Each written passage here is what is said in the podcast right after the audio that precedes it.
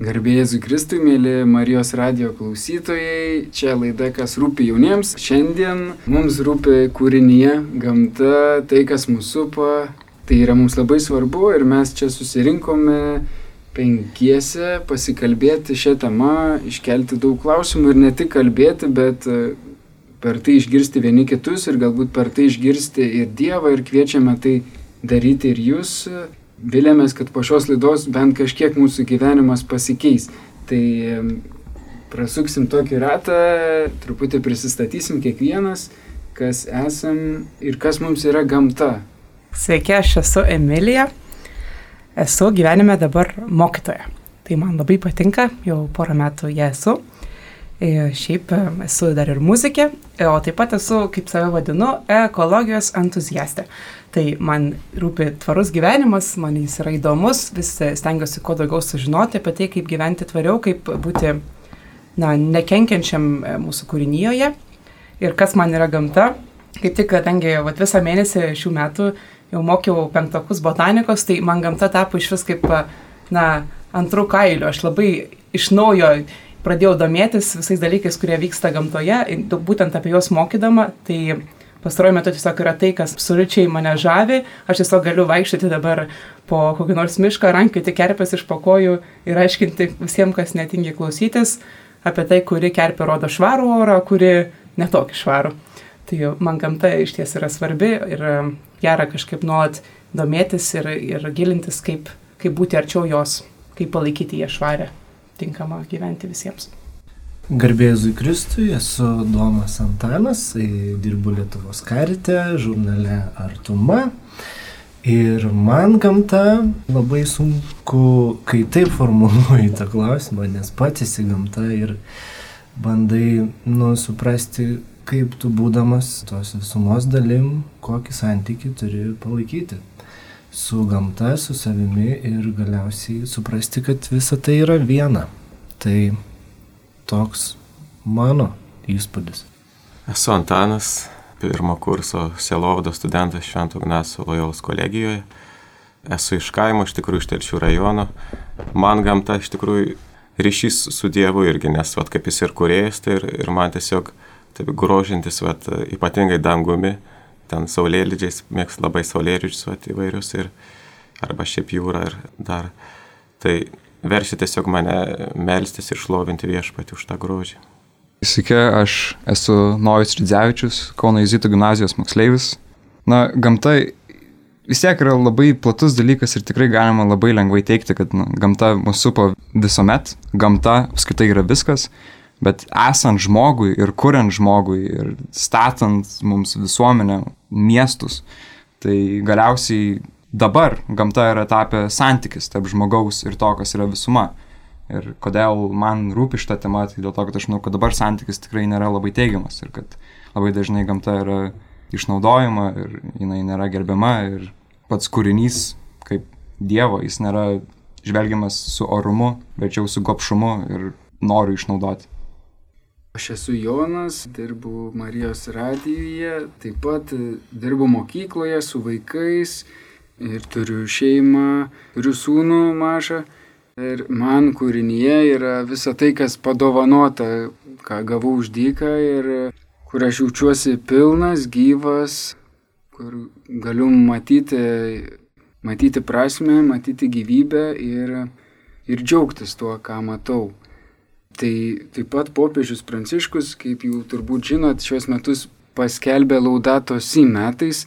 Laudato Si yra tokia enciklika, kurią parašė popiežius Pranciškus ir šis mėnuo yra vadinamas laikas kūriniai. Tai skiriam tą laiką būti gamtoje ir visai neseniai popiežius Pranciškus vienoj savo katechezijai pasakė, kad reikia garbinti ne tik švenčiausiai sakramentą, ne tik Jėzų Euharistijoje per mišes, bet ir kūrinyje. Ir vadinasi, būti gamtoje ir tiesiog e, ją džiaugtis. Ir gal pirmiausia norisi klausti Emilijos, kad tu paliudytum e, galbūt savo gyvenimą, kaip tau pavyksta ne tik kalbėti, ne tik grožėtis gamta, ne tik ją kontempliuoti, bet dėti pastangas, valios pastangas ir, ir ją keisti arba prisidėti prie jos tvarumo kaip čia geriau būtų pasakyti. Labai nemažai kartų esu apie tai kalbėjus. Ir tiesą sakant, kuo daugiau kalbu apie savo gyvenimą, to man dažniausiai mažiau norisi kalbėti. Tai labai įdomu, kad va, esu čia dabar vėl, nes e, dažniausiai esu atradus, kad lygiai taip pat kaip mūsų tikėjime, taip ir, na, tarkim, tvaraus gyvenimo, ekologiškesnio gyvenimo srityje, geriausiai, na, kalba pavyzdys. Tai kuo mažiau kalbi ir kuo daugiau tiesiog darai ir tiesiog esi, kuo, kuo tiki, kas yra tavo vertybės, kas yra tavo svarbiausia, tuo labiau tu tiesiog ir pats išgyveni, na, tai kažkokiam tokiam tikram, autentiškam santykiai ir tuo labiau gali paliudyti kitiems žmonėms. Bet ne visą laiką tai buvo. Aš e, užaugau šeimoje, kuri na, nebuvo labai kažkokia, tarkim, pavadintumėm neekologiška, netvari, nemylinti gamtos. Priešingai, tikrai mums visą laiką buvo svarbu rinktis kažkokį, na, geresnį, tvaresnį, mažiau teršinti produktą, čia ir, ir skalbimo priemonės, ten ir, ir maistą panašiai, bet tai tiesiog buvo, na, maži tokie įpročiai, apie kuriuos aš per daug negalvodavau. Pavyzdžiui, mes niekada nepirkom naujų drabužių šeimoje. Ir žinau, kad dėl to, kad mano mama mane, kad uh, na, jų tiesiog nekokybiški ar kažkokie. O ten, kai augi vaikas, taigi neapsimoka pirkti naujų, pažiūrėk, siūtis drabužių. Tai tikrai mes užaugom antrų rankų drabužiais ir atsimenu, buvo laikas, kai aš labai dėl to jaudindavosi, na, paauglystiai, o paskui supranti ir dabar supranti, kad iš tikrųjų tai, tai tik tai dovana ir tik tai laimė, kad aš gavau tokį, na, požiūrį į drabužius, kad drabužis neprivalo būti naujas, neprivalo būti viskas, kad drabužis yra, na, tik tai kažkokia tavo dalis palyginti labai maža išornė. Tai daug tokių dalykų esu gavusi šeimos, bet uh, prieš, kiek čia, šeštą metų jau, man bestudijuojant užsienį, na, gavau tokį vidinį, vadinu, atsivertimą, nes įvyko per vieną naktį labai konkrečiai, tiesiog kažkas mane žiniasklaidai pagavo, viena paskaita apie vadinamąjį betliekų gyvenimą, zero waste, tokį angliškas pavadinimas vartojamas gyvenimą ir aš atsimenu, kad ten pusę nakties praleidau žiūrėdama įvairiausius video, tiesiog domėdamasi, gilindamasi, kaip tik buvau ką tik e, perskaičiusi, išėjusią visai, visai ką tik tą encikliką popiežiaus tavo minėtą jau Jonai, tik skaičiuoja dar net nelietuviškai ir kažkaip jaučiu, kad čia kažkas susisieja, bet ką tai reiškia ir staiga supranti, kad negali gyventi taip, kaip anksčiau gyvenai. Kažkas viduje pasikeičia Ir tada man aišku buvo tokia pirmoji fazė, kai ten kam tik galėjau visiems irgi pasakau apie viską, kaip jūs čia neteisingai vartojat, čia nereikia vienkartinių padelių, čia nereikia to ir to. Ir ilgą laiką aš pati turėjau daug tokių užsidėgymų. Ir kažkaip gražu matyti, kad man per laiką jis keičiasi, per laiką jis nusėda viduje, supranti, kad kažkokie dalykai yra mažiau reikšmingi, kad iš tikrųjų tu kaip vienas žmogus mažai gali padaryti, bet geriausia, kas tau nutinka tą akimirką ir kas yra tikroji dovana, tai yra samoningumas. Reiškia, kai tu jau tampi sąmoningas, na, labai sunku gyventi nesąmoningai. Čia tas pats, kaip tu gyventum, na, esi atsivertas tikinti žmogus ir gyventum taip, tarsi Dievo nebūtų. Nu, kažkaip įmanoma užsimerkti prieš dalykus, bet labai sunku, nes vis tiek ateina momentas, kai tu supranti, bet aš žinau, kad žemė yra vartojama tikrai per daug vienkartinių daiktų. Aš žinau, kad, pavyzdžiui, jeigu perku greitosios mados drabužius, jie gaminami išnaudojant žmonės ir tai yra prieš tas vertybės, kuriuom aš esu pasirengus gyventi. Tai kažkaip labai sunku būtų, pas, kaip čia pasakyti, atžinoti dalykus. Na, va, dabar aš jau kažkaip praėjo keli metai, dalykai nusėdė manyje, aš atrandu vis naujų kažkokių įpročių kasdienybėje, gal paskui galima dar konkretinti dalykus, bet, bet e, supranti, kad, e, na, geriausia, kas gali atsitikti žmogui, tai, tai samoningumas ir, ir supratimas, kad svarbu, na, kiekvieno vis tiek žingsnis yra svarbus. Nes tik tada, kai atsiranda daug individualių žingsnių, atsiranda visuma. Na, didelių pokyčių reikia, valstybinių pokyčių reikia, bet jie nevyks, jeigu žmonės nereikalaus. Tai kažkaip gal šią akimirką kažkol kas sustosim tiek iš manęs. Tokia pirma mintis. Noriu paklausti Domo, atsimeni, mes turėjom teologijos paskaitas pas tokį dėstytoją Skinkaitį ir jisai mums pasakoja, kad laudatos į encikliką yra tobula vos ne, arba kažkaip jis pasakė, kad vos ne geriausia enciklika, kurią yra kažkada parašę popiežiai ir kiek atsimenu, jisai sakė, kad viena pagrindinių enciklikos minčių, kad e, dėl to, kad e, dėl mūsų pašlyjusių santykių su artimu kyla daug problemų, ne, arba pašlyjusio santykio su Dievu kyla daug problemų ir dėl to galbūt ir tas santykis su gamta toks tapo pašlyjas ir dėl to mes taip su jie elgiamės. Ar tu sutinki su tokia mintim ir kaip tu manai, kokia ta pagrindinė mintis tos enciklikos? Aš stebiuosi, Jonai, kaip tu gerai atsimeni, bet e, aš sutikčiau. Ir, ir manau, kad iš esmės visų mūsų problemų šaknis yra nuodėmė. Ir viskas galiausiai kyla iš nuodėmės. Nuodėmė yra toks va, nusigrėžimas nuo Dievo, santykio su Dievu nutraukimas. Bet, bet taip pat iš paskaitų atsimenu, kad tas santykis buvo nutrauktas ne tik su Dievu, taip pat po tos pirmosios Jėvos ir Adomo nuodėmės buvo nutrauktas santykis ir su kitu žmogum, kuomet Adomas pradėjo kaltinti Jėvą. Taip pat buvo nutrauktas santykis ir su savimi, kai tu pastebi, kad esi nuogas ir pats savęs pradedi gėdytis, tada dengiesi figos lapu. Ir taip pat su kūrinyje nutrauktas santykis, kai, kai galiausiai kaltini gyvatę ir po to tave tenka susukti į kailį nužudyto gyvūno. Tai viskas galiausiai vėl grįžta iki to, kad esam pažeisti to nuodėmės gelonio. Kuo mes labiau stengsime atkurti tos santykius, tuo mes busim panašesni į Kristų. Noriu paklausti tavęs, Antanai, tu minėjai, kad e, augai kaime ir, ir grožėsi saulėlydžiais. Noriu paklausti apie tą kaimo gyvenimo ritmą tiesiog kuo tai yra kitoks gyvenimo būdas negu miestas, miesto gyvenimo būdas ir galbūt dėl to, dėl to, kad mes visi įstrigę tam mieste, galbūt irgi dėl to kyla tų problemų mums su gamta, nes mes jos nebematom, mes apstatėm ją pastatais, trinkelėm, asfaltu ir gal galėtum daugiau pasidalinti apie savo santykį su gamta ir įtaką tavo gyvenimui galbūt. Tai gal kaime galima pastebėti iš tikrųjų tos metų laikus labai ypatingai. Mano tėvai nebuvo ten ūkininkai dideli iš tikrųjų irgi. Tai bet vis tiek čia galima kalbėti ir žmonės iš miestų, bet kurie turi kokį sodo namelį ar dar kas nors kaime. Ar tai irgi, pavyzdžiui, bulves sodinti kaip va, tas pačias ar daržovės. Tai va, vis tiek reikia žinoti, kokiu metų laiku va, toks yra kaip gerbimas gamtos irgi atsižvelgimas, kokiu metu laiku vat, reikia irgi toks santykis yra su, su, su gamta, su žeme. Irgi vat, toks jo artimas santykis. Iš tikrųjų, aš kaip vaikas kažkaip buvau nelabai te mėgau. nu, tu tų darbų tokių vat kaimiškų. Tik vėliau, kai pradėjau aukti, kažkaip pradėjau, kažkaip, nežinau, pradėjo man labiau patiktas rankų darbas, paprastas tiesiog ir kažkaip tas santykis su, su ta žemė kažkaip toks kažkoks artumas gal vat, ypatingai gali pajusti per tą darbą, paprastą malkas kokias kapodamas, ar ten žemę varpydamas, ar dar kažkaip labai stipriai, vat, ir savo jėgas tą prakaitą laistai ir ta, jungiasi su ta, ta žemė. Ir vat, po to, aišku, ir matyti, kad tie visi vaisiai daržovės yra kaip e, stebuklas irgi va Dievo dovana, iš tikrųjų čia dirbi, tu sodini, bet iš tikrųjų tik tais, nu, va, iš Dievo pareina tos dovanos daržovėse ir, ir visa kita. Tai. Nu jau žinau, kad tu priklausai judėjimui Fridays for Future. For future. Aha.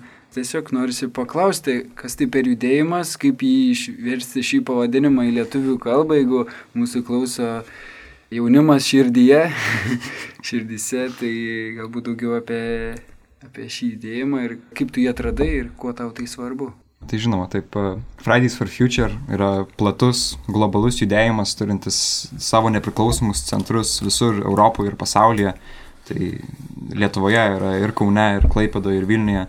Verčiasi pavadinimas tai į penktadienį už ateitį ir pati mintis irgi yra labai paprasta, kad na, kiekvieną penktadienį yra nuveikama bent kažkokia tais veikla arba organizuojami yra protestai, Rugsėjo 25 buvo organizuotas protestas prieš klimato kaitą, kuris vyko tiek Vilniuje, tiek Kaune. Ir um, pati mintis ir idėja yra ta, kad kiekvieną penktadienį reikia padaryti bent kažką, kažkiek, kad kovotumėm už savo ateitį, kadangi ateitis tikrai atrodo labai niuri.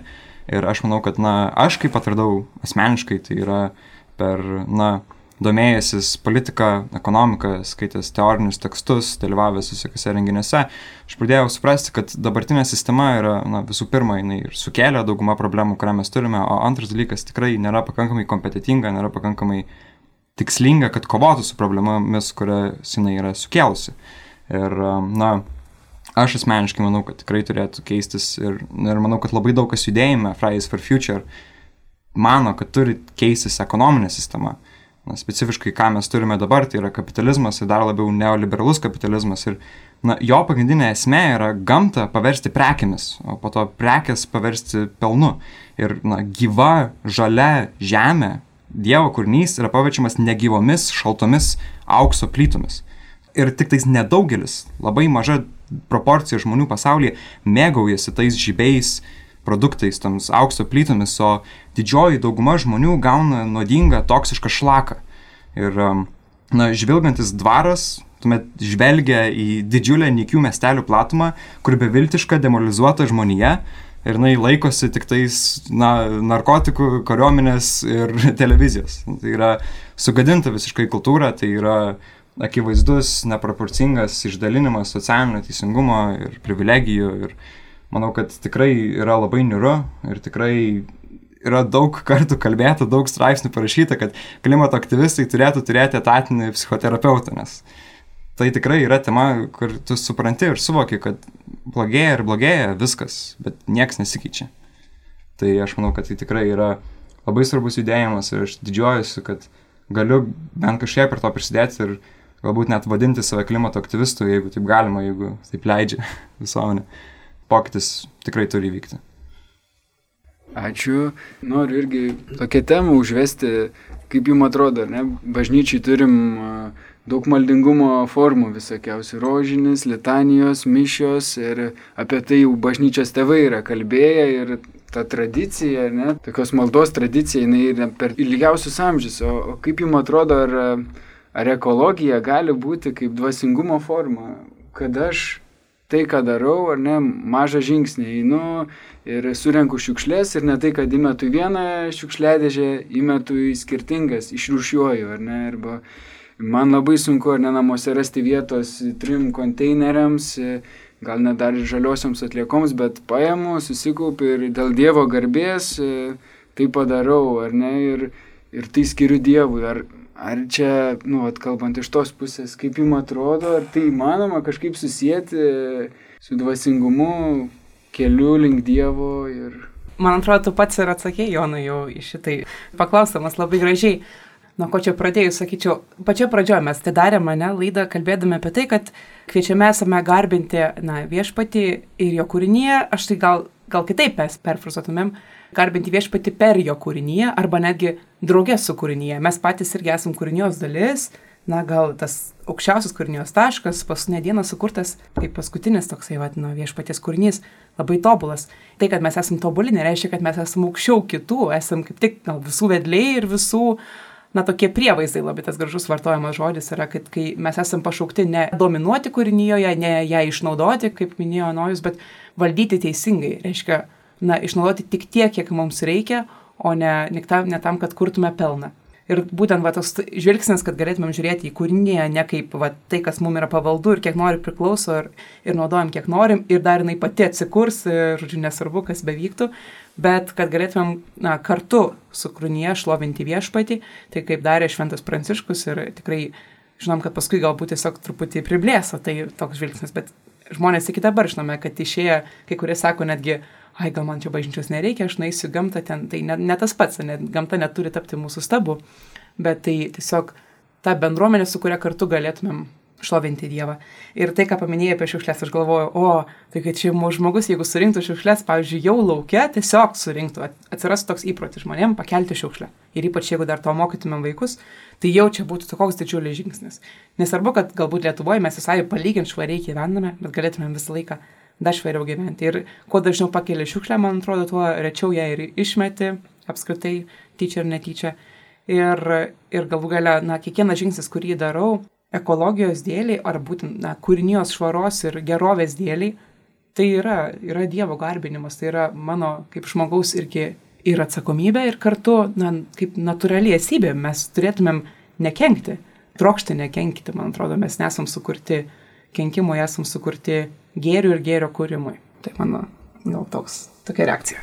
Aš manau, kad tas gyvenimas ekologiškai jis tikrai gali būti malda ir tai yra turbūt neatsiejama nuo tokios askezės. Tam tikra askezės rušis, kuomet mes vis tiek turime atsisakyti kažko, galbūt turėti mažiau ir aukoti netgi savo laiką, skirti laiko į rušiavimui, galbūt kartais dalykai, kurie mažiau teršia, daugiau kainuoja ir žinoma viskas priklauso nuo mūsų intencijos galbūt.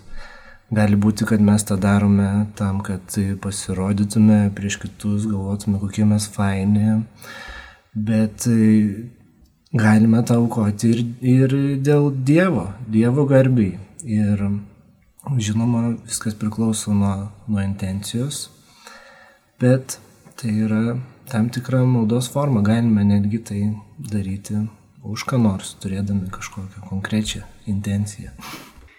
Tai taip, aš tikrai visiškai sutikčiau su to aš manau, kad yra visiškai neišvengiama, kad tai galbūt net ir turėtų būti siejama su ne tik, kad specifiškai tai yra malda, bet aišku, vis tiek mes turime ir klimato aktyvistų, kurie ir na, nesimeldžia ir panašiai, bet kad pats procesas tikrai būtų panašus ir siejamas su maldos vertybėmis, nes aš tikrai sutikčiau su savo kolega, kuris sako, kad dažnai intencijos gali būti irgi, kad pasirodyti ir panašiai. Ir šiais laikais tikrai man bent jau nepatinka, kad jeigu tu nešiojasi gertuvę ir paprašai, kad kavinėje tau įpiltų kavą į gertuvę, o ne išmetamą padelį, tu jau gali laikyti save klimato aktyvistu, kas nu, tikrai nėra tiesa ir tikrai yra nenuširdu ir aš manau, kad tas pasididžiavimas tikrai irgi yra labai didžiulė klaida dabartinių klimato aktyvistų ir dauguma žmonių, kurie mano, kad jiems tikrai rūpi, bet iš tikrųjų jų veiksmai to neatspindi. Tai aš manau, kad tai tikrai turėtų būti siejama su to, kad malda nėra skirta pasididžiuoti prieš nieką ir kad jinai yra labiau per individą ir per jo sąsąją su Dievu. Tai lygiai taip pat aš manau, kad bet koks klimato aktyvizmas neturėtų būti visiškai skirtas pasididžiuoti. Ir tai tikrai manau, kad dabar yra per daug plačiai paplitę ir kad tai turėtų būti panašu į maldą. Ačiū, mūsų diskusiją mes pratesime po trumpos muzikinės pertraukos, nes e, pasiklausysime Ichtus grupės atliekamo kūrinio Būk pašlovintas ir šie du žodžiai Būk pašlovintas labai siejasi su popiežiaus pranciškaus enciklika Laudato Sinės, švertus tuos du žodžius ir gaunasi Būk pašlovintas. Pasiklausykime.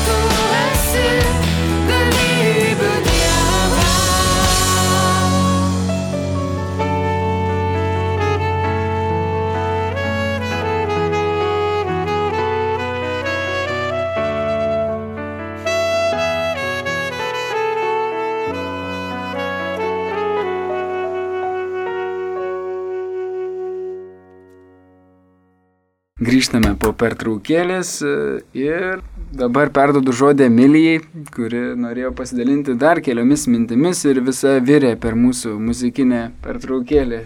Kai kalbėjo Nojus, kilo na, mintis apie tą pasididžiavimą. Tai iš ties, jeigu žmogus geba patirti kažkokį tokį nuolankumą, suvokimą savo, kad nepaisant to, kad esi, na tikrai mylimas, išskirtinis Dievo kūrinys, unikalus, kartu esi lab, labai mažas. Ir nereiškia, kad dėl to nesvarbus, bet tas mažumas, aš galvoju, jo patyrimas yra kažkaip labai išlaisvinantis. Tada tu supranti, kad tada tiesiog reikia kažkaip mažiau susireikšminti.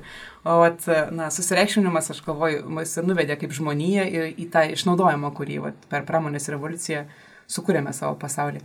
Tai kai supranti, kad gyvenimas yra kažkaip trumpas, kad vis tiek, na, visi, kad ir kaip, nežinau, gal čia žiauriai skamba, bet vis tiek visi, na, mirsime kažkada. Vieni, vieni anksčiau, kiti vėliau. Ir, pavyzdžiui, mane ta mintis apie savo mirtingumą labai išlaisvina, kad supranti, kad panašiai galbūt neturi labai daug laiko, kad kažką gero nuveiktum, galbūt neturi daug laiko, na, apskritai nuveikti daug dalykų, tai galbūt tas dalykas neturėtų būti, na, vartojamas didesnis. Galbūt tas dalykas tikrai nėra, kad aš dabar, na, kažkaip bandysiu greit, daugiau apsipirkti, pastatyti didesnį namą, turėti daugiau mašinų ir panašiai. Kažkaip tada labai atsisijoja vertybės, kai supranti savo paprastumą, nuolankumą, na, mirtingumą galų gale. Čia tokia viena mintis, o kita mintis, aš prisiminiau apie, apie tai, kad lyg tai turėjo būti ne ekologinis gyvenimas ar teršimas gamtos įtraukta į nuodėmių sąrašą, už kurias reikia atlikti atgailą. Kiek prisimenu, taip ir įvyko. Kažkur jos sąžinės peržvalgai mačiau. Tai ten atsimenu, kai kurie mano draugai truputį taip juokėsi, o tai ką čia dabar reikės prisipažinti, kad ten ko neišrušiavai, na, juokai juokais. Bet iš tikrųjų, na, tikrai yra, yra laikas permastyti savo kasdienius įpročius nes jie yra susijęs su kitais žmonėmis, ypač kai susijęs tvarumu. Čia kaip tik to liudatusy, aš prisiminiau savo mėgstamą eilutę iš 49 skirsnio. Tiesiog toks trumpas sakinys, kurį popiežius Pranciškus parašo, sako, šiandien mes negalime nepripažinti, kad tikrasis ekologinis požiūris visada virsta socialiniu požiūriu, turinčių į diskusijas apie aplinką įtraukti teisingumą, kad būtų išgirstas ir žemės, ir vargšų šauksmas. Tai toliau jis pradeda kalbėti apie tai, kad būtent kai kai mes pradedam gyventi, na, tarkim, tvariau, ekologiškiau, kai stengiamės atsižvelgti į, į žemę ir jos išnaudojimą, tai mes automatiškai pradedam ir rūpintis vargšais, nes tai yra visiškai susiję dalykai. Nu, labiausiai nukenčia, kaip, kaip ir Nojus paminėjo, na, pasaulio vargšai, didžioji pasaulio dalis, o iš, išlošia tie, kurie yra turtingesni arba gyvena geresniuose kraštuose ar geresnėje ekonomikoje pagal dabartinę sistemą. Tai man, kai esu girdėjęs kažką sakinį tokį, kad na, aš neturiu laiko, kada rūpintis ekologiniam problemom, nes svarbiau pasirūpinti, kad žmonėm būtų kažkaip geriau. Bet čia susiję dalykai, ta prasme, jeigu pradedi rūpintis, kad žmonėm būtų geriau, reiškia pusė automatiškai turbūt kažkuria prasme tvaresnis, ekologiškesnis. Jeigu rūpintis tas rytim, tai tu anksčiau, ar vėliau ateisi tai, kad, na, na, už to slypi žmonės. Aišku, jeigu aš stengiuosi ieškoti tvaresnių sprendimų, tikėtina, kad kartu aš kursiu ir tvaresnį pasaulį vargšam žmonėm. Tai labai man patinka tikrai tėvo Pranciškaus, mūsų popiežiaus, tos mintis visoje enciklikoje ir apskritai jo mokymas, va, socialinės bažnyčios mokymas apie, apie tai, kaip uh, rūpinimasis vargšais yra susijęs su ekologiškesniu gyvenimu. Išsiplėčiau, bet gal kilo kam nors idėjų apie tai.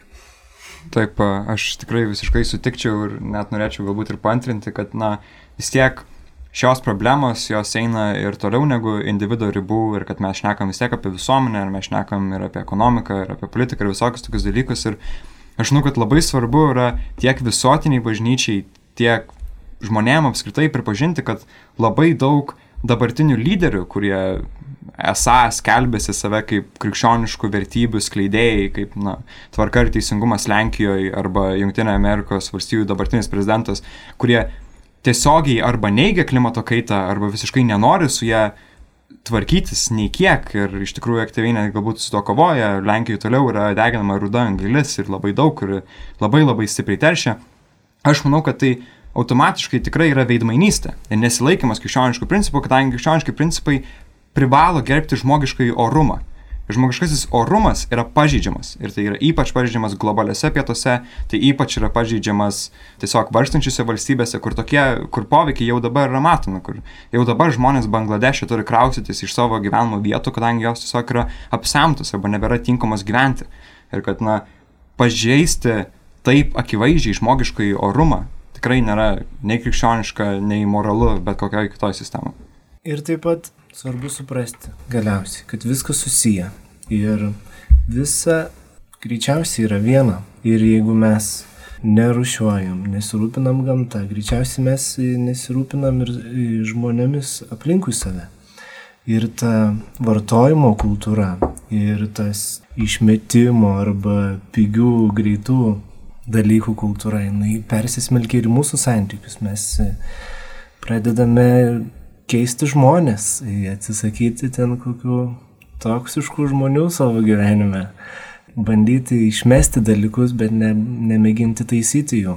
Ir galiausiai tie, tie santykiai tampa tokie vartotojiški, norim, ieškom naudos iš žmonių, kai jie nebeteikia naudos, juos pakeičiam kitais ir viskas galiausiai persismilkia.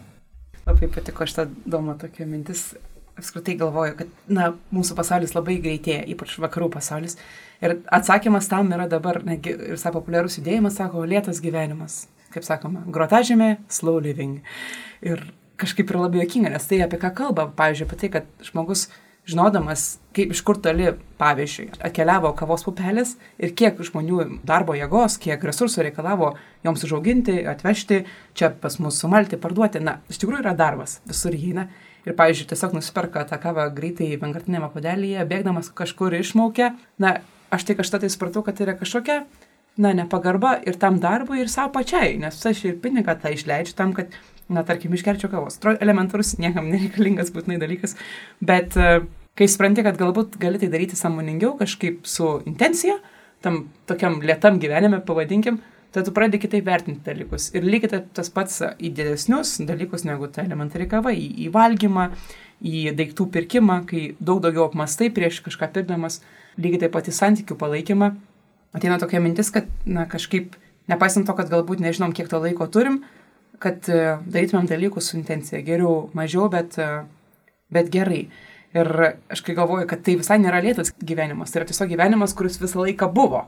Tik tai va, po pramonės revoliucijos, po to, kai pradėjo visas greitėti, gyvenimus mūsų, daug žiniasklaidos, ir tada kažkodėl pradeda mums reikėti tokių savokų kaip lėtesnis gyvenimas, kai iki tol tiesiog buvo tiesiog gyvenimas. Ir aš, na, netgi pas mus dar prieš 20 metų viskas visiškai kitaip atrodė. Aš pati esu užaugusi Vilniuje visą gyvenimą ir kažkaip ilgą laiką neįsivaizduodavau, kad galėčiau gyventi negreitai. Man, aš esu tiesiog pati asmeniškai labai, labai greitas žmogus, labai daug veikiu, o čia suspėjau ir, ir mokytojauti, ir dar nuvažiuoti kažkokias laidas į kitą miestą, na labai daug dalykų.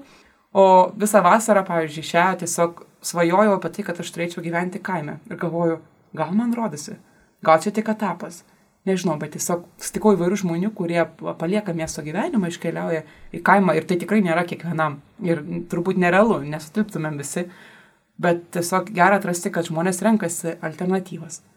Tai aš galvoju, kad geriausias dalykas, kurį gali žmogus nuspręsti daryti, tai, na, ieškoti alternatyvų, nes jų viskam yra. Dažniausiai mes tiesiog nežinom arba, na, tingim paieškoti. Aš vis dar nusistebiu, kad kažkokiam dalykui gyvenime galiu rasti ekologiškesnę alternatyvą, kur jau galvoju, kad, nu jau tikrai, tikrai tokio daikto nėra, kas čia man galvo ateina. Pavyzdžiui, koks nors dantų siūlas, kuris nebūtų plastikinis. Na, kuris būtų toksai, kuris suyra. Ir staiga supranti, kad viskam yra alternatyvų. Beveik viskam, tik tai reikia nebijoti ieškoti arba apskritai naudoti tai, ką jau turi. Ačiū. Noriu klausti Antano, mes su Antanu šiandien atvažiavom su dviračiais, tai į laidą ir trys, ir nojus, gerai, labai gera kompanija ir iš tikrųjų norisi klausti apie tą infrastruktūrą apskritai arba valstybės pagalbą ekologiją, ne? Pavyzdžiui, matom savanorių prospektas Kaune, kaip sutvarkytas ir kaip smagu važiuoti jo dviračiu. Aš galiu pats paliudyti, kad e, anksčiau važiuodavau kitų maršrutų, nes būdavo labai nepatogu. O, o kaip jums atrodo tas keliavimas kitaip? Keliavimas ne automobiliu, keliavimas galbūt viešuoju transportu, rinkimasis tų alternatyvų ir kaip jums atrodo, ką būtų galima pagerinti, kad ir kiti žmonės, kurie galbūt nėra tokie asai, tų dviračių išsitraukia į ir kad jiem nereiktų kilnotis dviračių per bortelius. Kokios jūsų mintis apie keliavimą dviračiu, ar jums patinka? Aš pats esu kaime užaugęs ir nors vat, turiu automobilio teisės, bet uh, didmestį nesu pripratęs tiesiog važiuoti, labai paprasta ir man su dviračiu tiesiog ramiau. Gali važiuoti ramiai, niekas tavęs negina niekur. tau nepypsi iš nugaros. gali tiesiog ramiai važiuoti, gali ir paskubėti, gali ir lėčiau, bet tu pats renkiesi, vat, tokia yra laisvė tam tikra iš tikrųjų. Vat, ir tuo pačiu gali ir melstis, iš tikrųjų, tokia tikrai daug ramybės per tą važiavimą. O vat su mašina, aš nežinau, aišku, aš nesu dar kad pripratęs važiuoti didmestį, tai man tokia įtampa, vat važiuoji, vat tai kas ne taip kažką padarai, dar kur nors ten tai iš karto tokia, kad tave kas nors aprieks, apšauks dar, dar kažką, tai kažkaip atsakau, su dviračiu, man tai tokia daugiau ramybės, taip tiesiog va, tas toks transportas arba tas pats ėjimas, va, gali ir pestute paeiti, tai irgi tokios kažkaip atneša ramybės, nes tavęs niekas nespaudžia, niekas negina, niekas nevėja, kaip sakant, tu pats renkiesi ir kažkaip tą laiką labiau organizuoji, nesipriklausomas. Taip, tai aš visiškai sutikčiau su Antanu, kad tikrai tai yra toksai laikas labai kitoks negu bet kokio kito transporto, bet kokios formos. Aš atsimenu iš tikrųjų net, kai neseniai buvo rugsėjo pirmoji, mano tuo momentu dviračio padanga buvo sprogus. Šiaip aš kiekvieną dieną į mokyklą taip pat važiuoju su dviračiu. Tai aš vietoj to, kad paprašyčiau tėvų, kad mane nuvežtų arba kad nuvažiuotų viešojo transportu, kadangi rugsėjo pirmos šventė vis tiek buvo valanda vėliau negu pamokas, tai buvo 9 valanda, nusprendžiau atsikelti standartišku laiku ir pėsti nueiti į mokyklą. Ir po to pėsiu sugrįžti iš mokyklos irgi. Ir aš supratau, kad na, tai tikrai yra visiškai kitoks laikas ir kad labai daug kas tikriausiai net nėra pabandę į savo paprastą rutiną įsidėti dviratį arba įsidėti ėjimą pestute. Kadangi jeigu jie tikrai pabandytų, aš manau, kad tikrai būtų labai sunku sugrįžti nuo to. Nes tai tikrai yra labai, labai nuosavi patirtis, tai tikrai tai yra žymiai smagiau, žymiai smagiau negu važiuoti mašina, tai yra žymiai smagiau negu važiuoti viešojo transportu.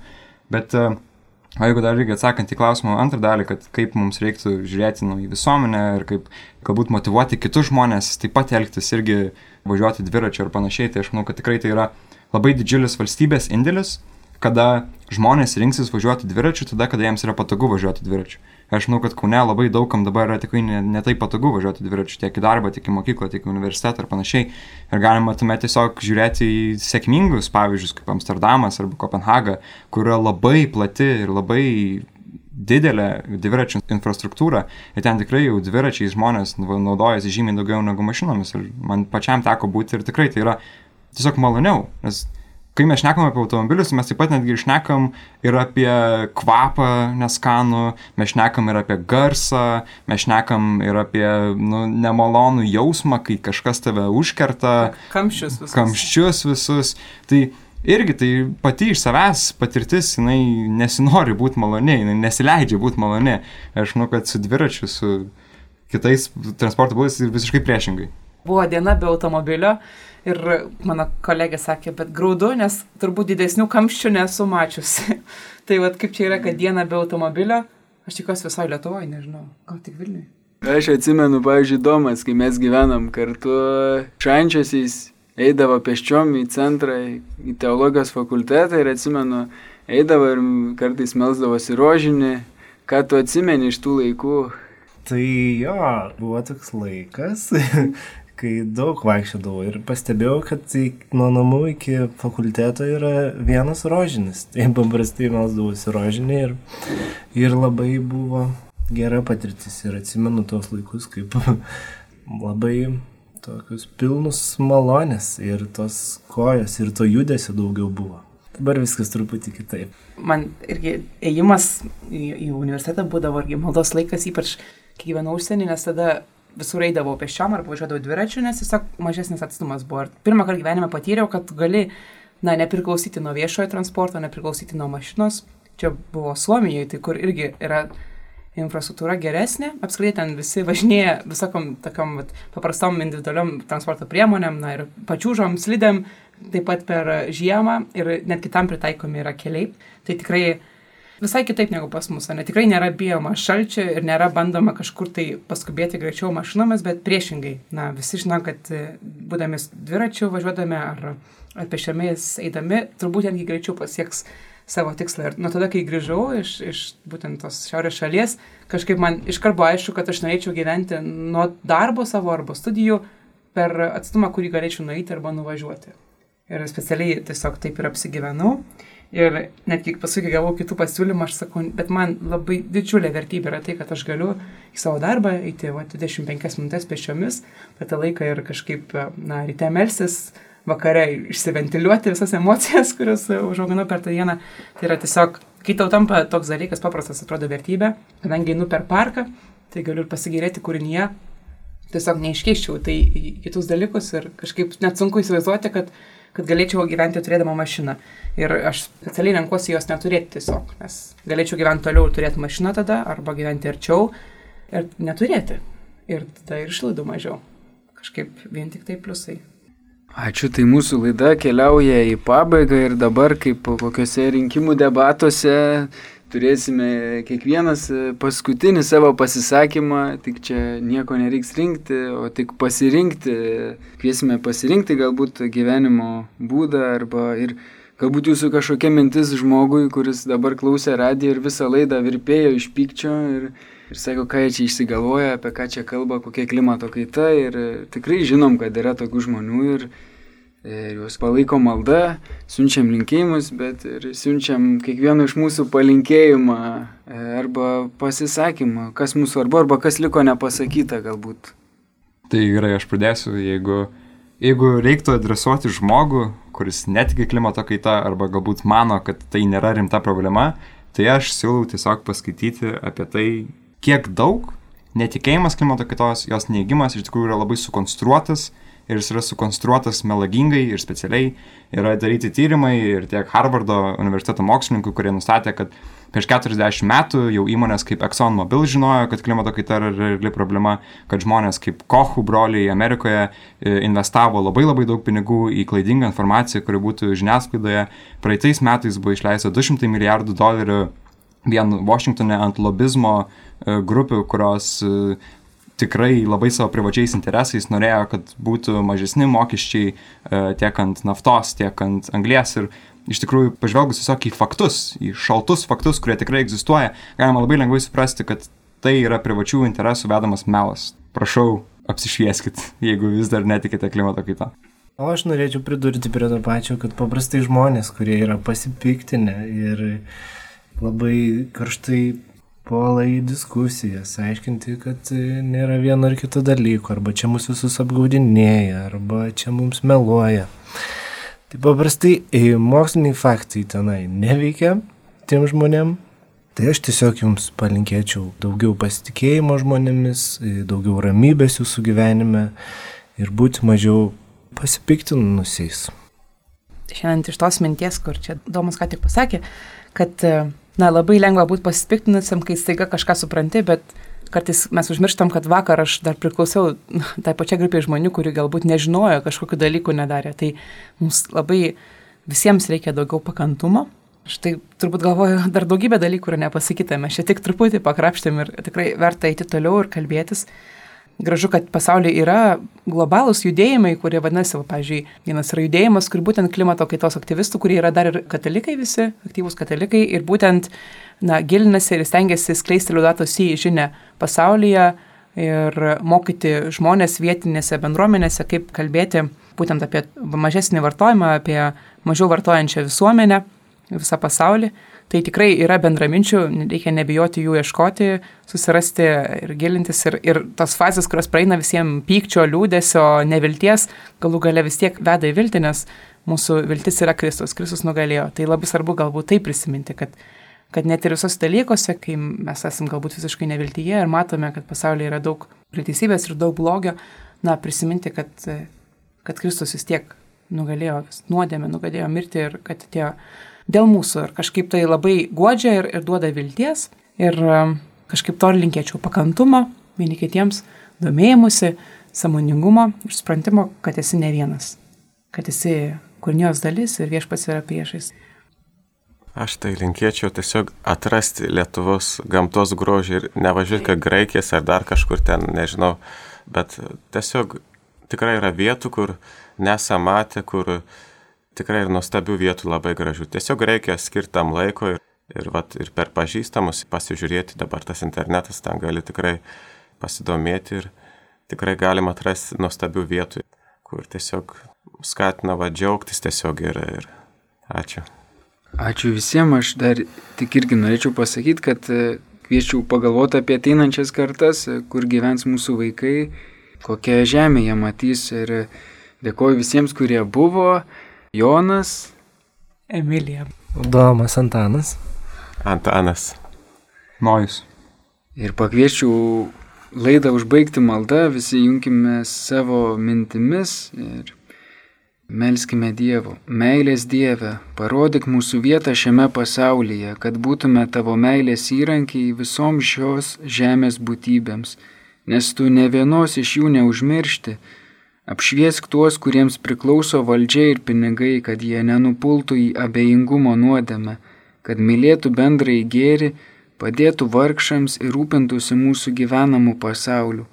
Vargdienį ir žemė šaukia, Viešpatie apgauk mus savo gale ir šviesa, kad saugotume visokią gyvybę, kad parengtume geresnę ateitį, kad ateitų tavo karalystė - teisingumo, taikos, meilės ir grožio karalystė. Būk pašlovintas. Amen.